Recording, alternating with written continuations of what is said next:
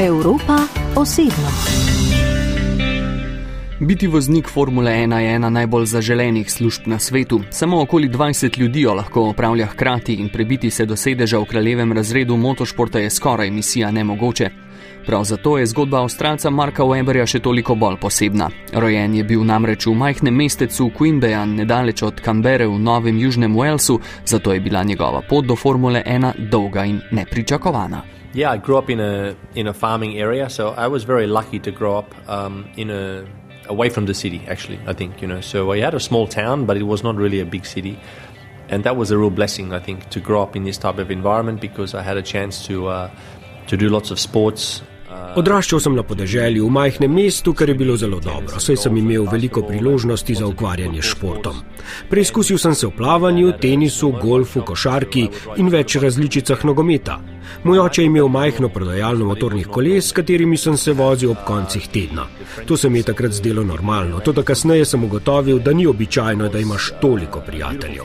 Moji starši so bili zelo priljubljeni v naši skupnosti, kar je bilo zelo dobro za me in za mojo sestro. Ko sem bil najstnik, sem bil velik navdušenec nad motošportom, tudi oče ni bil navdušen nad tem, da bi dirkal z motorji, saj je to zelo nevarno. Zato sem se začel ukvarjati s kartingom in ga vse skozi prepričeval, da mi kupi go-kart, da lahko dirkam. Moj oče ni bil dirkač, bil pa je velik ljubitelj motošporta in navijač Jacka Brabhama, ki je bil svetovni prvak v Formuli 1 v 60-ih letih prejšnjega stoletja. Zelo hvaležen sem očetu, da je verjel vame, čeprav nismo imeli veliko denarja. Tako se je začela moja pot. And, um, I'm just so uh, thankful and grateful that, uh, of course, my father had the belief in me, and um, he did not have uh, millions and millions. It was not like that. We did not have much uh, money to have a go at it, but we gave it everything, and it was a great journey. Avstralija je sicer že vrsto let zelo pomemben del koledarja Formule 1, to da pot do sedeža v tej prestižni dirkaški seriji vodi prek Evrope. Mark Webber se je tako kot mnogi nadarjeni avstralski dirkači moral zelo mlad preseliti na staro celino. Yeah, geographically, Australia is the worst country in the world to, to be a top flight motorsport driver because uh, it's on the other side of the world. Like Res je, zelo mlad sem se preselil v Evropo. Avstralija je geografsko najslabša celina, če želiš biti profesionalni dirkač. Če želiš biti uspešen v bejzbolu, moraš v Združene države Amerike. Če želiš uspeti v Formuli 1, pa moraš v Evropo.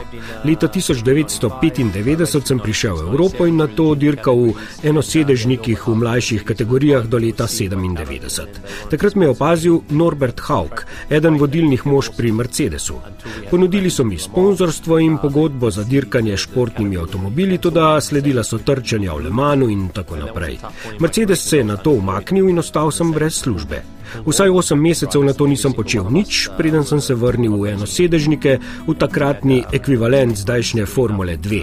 Priložnost sem lahko dobil le pri kakšni manjši ekipi, ki ni imela veliko denarja. Tudi imel sem srečo, da me je pod okrilje vzel še en avstralec, Paul Stoddart, ki je videl mojo strast in odločnost, da pridem do Formule 1. Mogoče se zdi preprosto, ko to strnemo le nekaj stavkov, ampak pot do Formule 1 je bila vsekakor dolga in zahtevna. Determination and passion to get back on the horse and give it another go and got into Formula One and uh, I mean of course that's an easy thing to say in, in a couple of sentences but of course it was uh, many years of hard work yeah. Večina voznikov, vsaj tistih najboljših, pride v Formula 1 zelo mlada, v poznih najstniških letih ali zgodnjih dvajsetih. Mark Webber pa je priložnost zaradi že omenjenega Pola Stodarta pri ekipi Minardi dobil precej starejši. Ta priložnost pa je bila obenem tudi časovno omejena in Mark jo je moral zagrabiti z obema rokama. Yeah, yeah, right, yeah. um, actually, I don't know my age. I think I was a bit younger than 26, but um, Res je, ne vem točno, koliko sem bil star, mogoče malo manj kot 26 let, ampak takrat sem dobil priložnost v Formuli 1. Moral sem stopiti v velike čevlje Fernanda Alonsa, tudi treba je upoštevati, da je bil Minardi zelo majhna ekipa z najmanjšim proračunom v Formuli 1. Dobil sem pogodbo za zgolj dve ali tri dirke, na katerih sem moral dokazati, da sodim v Formulo 1.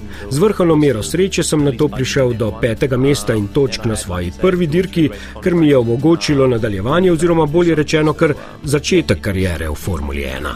Big result for me, uh, a fluke, of course, a lot of luck, but that really set me up for the rest of my career to get that. Sorry, to start my career in F1 to get that result was was massive. Potem, ko se je izkazal pri Minardiju, je Weber dobil priložnost v ekipi Jaguar, toda kmalu očel k Williamsu. Tam je dosegel svoje prve stopničke v Formuli 1 v Mondenem Monte Carlo, na to pa je sledil povratek Jaguarju, ki ga je vmes prevzel Red Bull. S to ekipo je Mark dosegel skoraj vse največje uspehe, med njimi vseh devet zmag. Kar dvakrat je zmagal na eni najbolj prestižnih dirk v svetu motošporta na veliki nagradi Monaka. Zmagati v Monaku je vsekakor nekaj posebnega, med svoje najlepše spomine pa Mark Weber ne šteje samo zmag, temveč tudi to, s kom si je delil zmagovalni odr. Yeah, I think the Monaco wins are right up there for sure. I mean, to win there, as you say, it's very challenging. It's a tough circuit. It's uh, the penalty for mistakes is huge, so you've got to be super concentrated and. Uh, Zmagi v Monaku sta vsekakor med mojimi najlepšimi spomini. Zmagati tam je nekaj posebnega, saj so ograde tako blizu, da si ne smeš privoščiti nobene napake. Zaupati moraš dirkalniku. Prav tako posebna je bila zmaga zame v Silverstonu, seveda pa so vse zmage nekaj posebnega. Zelo posebno je zame tudi to, da sem si delil zmagovalni odr z legendami kot so Lewis Hamilton, Fernando Alonso, Sebastian Vettel, Jensen Button, Nico Rosberg, Michael Schumacher. To je bilo zares izjemno. I shared the podiums with. I mean, I had quite a few podiums, and I was very lucky to to have those type of results. But to, to have the podiums with Lewis and Fernando, and Sebastian and Jensen and Nico and Michael, and you know, I had some podiums with some of the greats of the sport, and that was uh, really awesome. You joined Red Bull at a very interesting time when they were setting up. So Adrian knew it was coming in, you were coming in. Marka sem seveda povprašal tudi o razvoju ekipe Red Bull, ki zdaj že vrsto let sodi med najuspešnejše, takrat pa si je šele utirala pot proti vrhu. Medtem ko so mnogi od Red Bulla pričakovali predvsem prestižne zabave, so v ekipi namreč v svoje vrste zvabili enega najboljših snovalcev dirkalnikov Formule 1. Uh, absolutely, yeah. No, I think Adrian was the key for people uh, being lured to, to Red Bull Racing. Once they signed Adrian, I think everyone could see that they are they are serious about trying to Ključen je bil vsekakor Adrian Newey. Ko je Red Bull v svoje vrste zvabil Adriana, je bil to signal za vse, da je Red Bull zelo resna ekipa, ki si ne želi samo sodelovati v Formuli 1, ampak se boriti za naslove prvaka. To je namreč nekaj povsem drugega. Sam sem vsekakor na lastne oči videl ta napredek, kako smo se najprej tu in tam dvakrat ali trikrat na leto uvrstili na zmagovalni odr, v poznejših letih pa kot ekipa dosegli, da nimo 25 stopničk na sezono. Adrian je bil vsekakor ključ do uspeha, ampak tu ne smemo pozabiti na vlogo Helmuta Marka, ki je igral ključno vlogo pri izgradnji ekipe in pri sprejemanju odločitev, tudi kar se tiče voznikov. Že takrat je bil šef ekipe Christian Horner, ki je še vedno med najmlajšimi šefi ekip, njegova zbirka Lovorik pa je naravnost neverjetna. Um, and that was Christian as well, learning as you know, he was of course learning so much uh, through that period. So as you say, right now, I mean, he's the youngest, probably the youngest, still the, one of the youngest, if not the youngest team principals, but his trophy cabinet now is, is pretty bloody impressive. To je le nekaj zvenečih imen Formule 1, s katerimi je Mark Webber sodeloval v svojih 12 sezonah v kraljevem razredu motošporta. Njegov agent je bil sloviti Flavio Briatore, pomembno vlogo v karieri pa je že vse od začetka igrala tudi Markova žena Anne. Yeah, well, Flavio just did the driving contracts, so he was looking after those for, for, for most of my career. Uh, Anne was looking after the day to day businesses of, of how, that, how that went. Flavio Briatore je skrbel za pogodbo večino moje kariere, moja žena En pa je skrbela za vse aktualne stvari, kar se tiče posla, sponzorstev in načrtovanja sezone. To mi je precej olajšalo delo. To partnerstvo je bilo zelo dolgo in produktivno. Vsi smo imeli dolge kariere in to je bilo, mislim, da dobro za vse. You know, a long, a long career uh, with all of us, and uh, yeah, one that was pretty beneficial. I think uh, in the end it was good. Mark Webber je imel v svojem času v Formuli 1 tudi nekaj izjemnih moštvenih kolegov, izstopata predvsem svetovna prvaka Niko Rosberg in Sebastian Vettel. Štirikratnega svetovnega prvaka Webber pričakovano označuje za najtežjega tekmeca na drugi strani garaže. Seb was the, the most complete teammate that I, that I had. Um, I think that, uh, yeah, Nico was. Uh, Sebastian Fetel je bil gotovo moj najbolj kompleten moštveni kolega med vsemi. Niko Rosberg je bil hiter, ampak takrat je bil še zelo mlad in še ni bil tako delaven kot poznaje v njegovi karieri. Oba sta svetovna prvaka. Sebastian je osvojil kar štiri naslove, Niko pa je za svoj naslov prvaka premagal Louisa Hamiltona leta 2016. Oba sta trdo delala za ta uspeh. To je pač Formula 1. Če hočeš biti na vrhu, moraš premagati zelo zahtevne tekmece. To je čar Formule 1, da lahko tekmuješ z najboljšimi. Um, but yeah, that's Formula One. You're going to have some tough teammates. You know, if you want to win races, you're going to have some tough guys next to you, uh, and um, that's the, the great thing about our sport. You know, you you have a brilliant chance to compare yourself against the best guys. Mark Webber se je dolgo uspešno kosal z najbolj zvenečimi imeni zadnjih desetletij v Formuli 1, leta 2013 pa se je, takrat še na vrhuncu, odločil za konec karijere v tej prestižni dirkaški seriji. Razlog je relativno preprost, pravi Mark, ki zelo realistično pogleduje nazaj na svojo sicer uspešno kariero.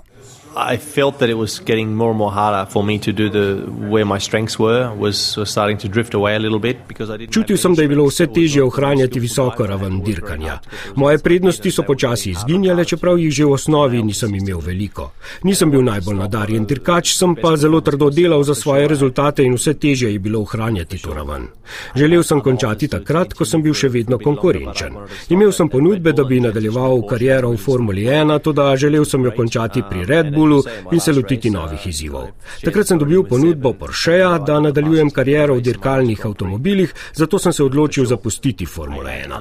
Na zadnji dirki sem bil na stopničkah skupaj s Fetlom in Alonzom ter osvojil najhitrejši krok na dirki. To je bil zelo lep zaključek. S tem sem se obenem lahko poslovil sam, pod mojimi pogoji, kar se mi zdi za športnika zelo pomembno. Um,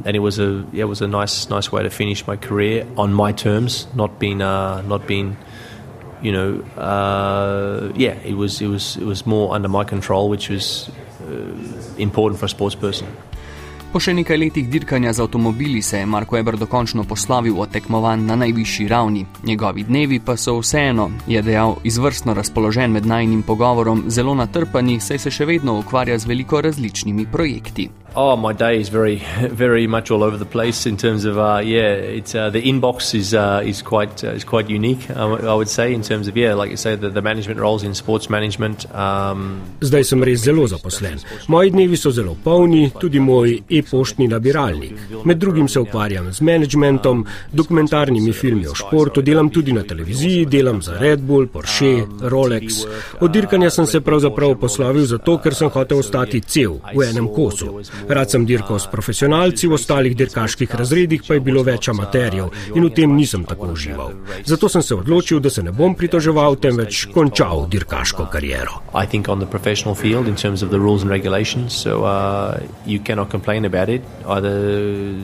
Stop talking about it or stop, and that's what I decided to do. Mark še vedno ostaja v stiku s Formulo 1, saj je ob televizijskem delu tudi agent denimo avstralskega mladeniča Oskarja Piastrija, ki bo naslednje leto debitiral v Formuli 1. Kako pa gleda na šport kot celoto, Formula 1 se je namreč od takrat, ko je bil še dirkač, precej spremenila. Uh, for me, I get very frustrated with the amount of safety cars and virtual safety cars. This, is, this drives me crazy. Na živce mi gre število varnostnih avtomobilov in virtualnih varnostnih avtomobilov na dirkah. Včasih se mi zdi, da pretiravanje s tem povzroči še več problemov, kot če bi vse skupaj malo poenostavili in računali na odgovornost in disciplino voznika ob vožnji pod rumenimi zastavami. Kar se tiče medijske pokritosti, se mi zdi, da je na družbenih omrežjih preveč senzacionalizma. Glede ekip, dirkačev in inženirjev, pa se mi zdi, da je Formula 1 trenutno v zelo plodnem obdobju. Veliko je nadarjenih mladih dirkačev, kot so Max Verstappen, Lando Norris, George Russell in drugi. Neverjetno je, da so v koledar za naslednjo sezono spravili kar 24 velikih nagrad. Formula 1 je zelo uspešna, kar se tiče športnega dela, pa je pomembno, da se ga vse skozi malce prilagaja. So, um, yeah, the sport's in great shape right now. 24 races, extraordinary. Uh, so the sport's going from strength to strength. We just got to keep, um, we keep manipulating the sporting side. I mean, that's, that's important. Yeah. Formula 1 je v zadnjih letih zares neverjetno priljubljena, vsebina, tudi tista iz zakulisja, še nikoli ni bila tako lahko dostopna, kot je zdaj. Stvar, ki jo je praktično nemogoče razložiti, pravi Mark Webber, pa je občutek, kako je voziti dirkalnik Formule 1. Of course, it's so hard to explain to the, to the neutral person. I mean, the speed, the sheer, the, the, the, the violence of the brakes. Zelo težko je razložiti navadnemu človeku, kako je voziti dirkalnik Formule 1. Zavore so naravnost brutalne, sediš praktično na tleh, hitrost in intenzivnost sta neverjetni. Ko ljudje gledajo dirke doma, komentirajo, to je bila krivda voznika, to je naredil narobe ampak vidljivost, ko si v dirkalniku, je res zelo slaba. Izboli, da ne vidiš veliko.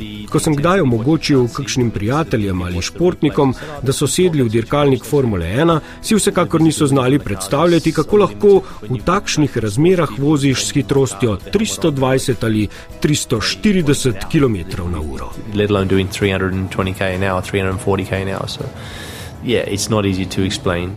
Mark Webber je to vsekakor počel zelo dobro, za svoje dosežke v motošportu pa je bil pred kratkim vključen tudi v avstralsko športno dvorano slavnih.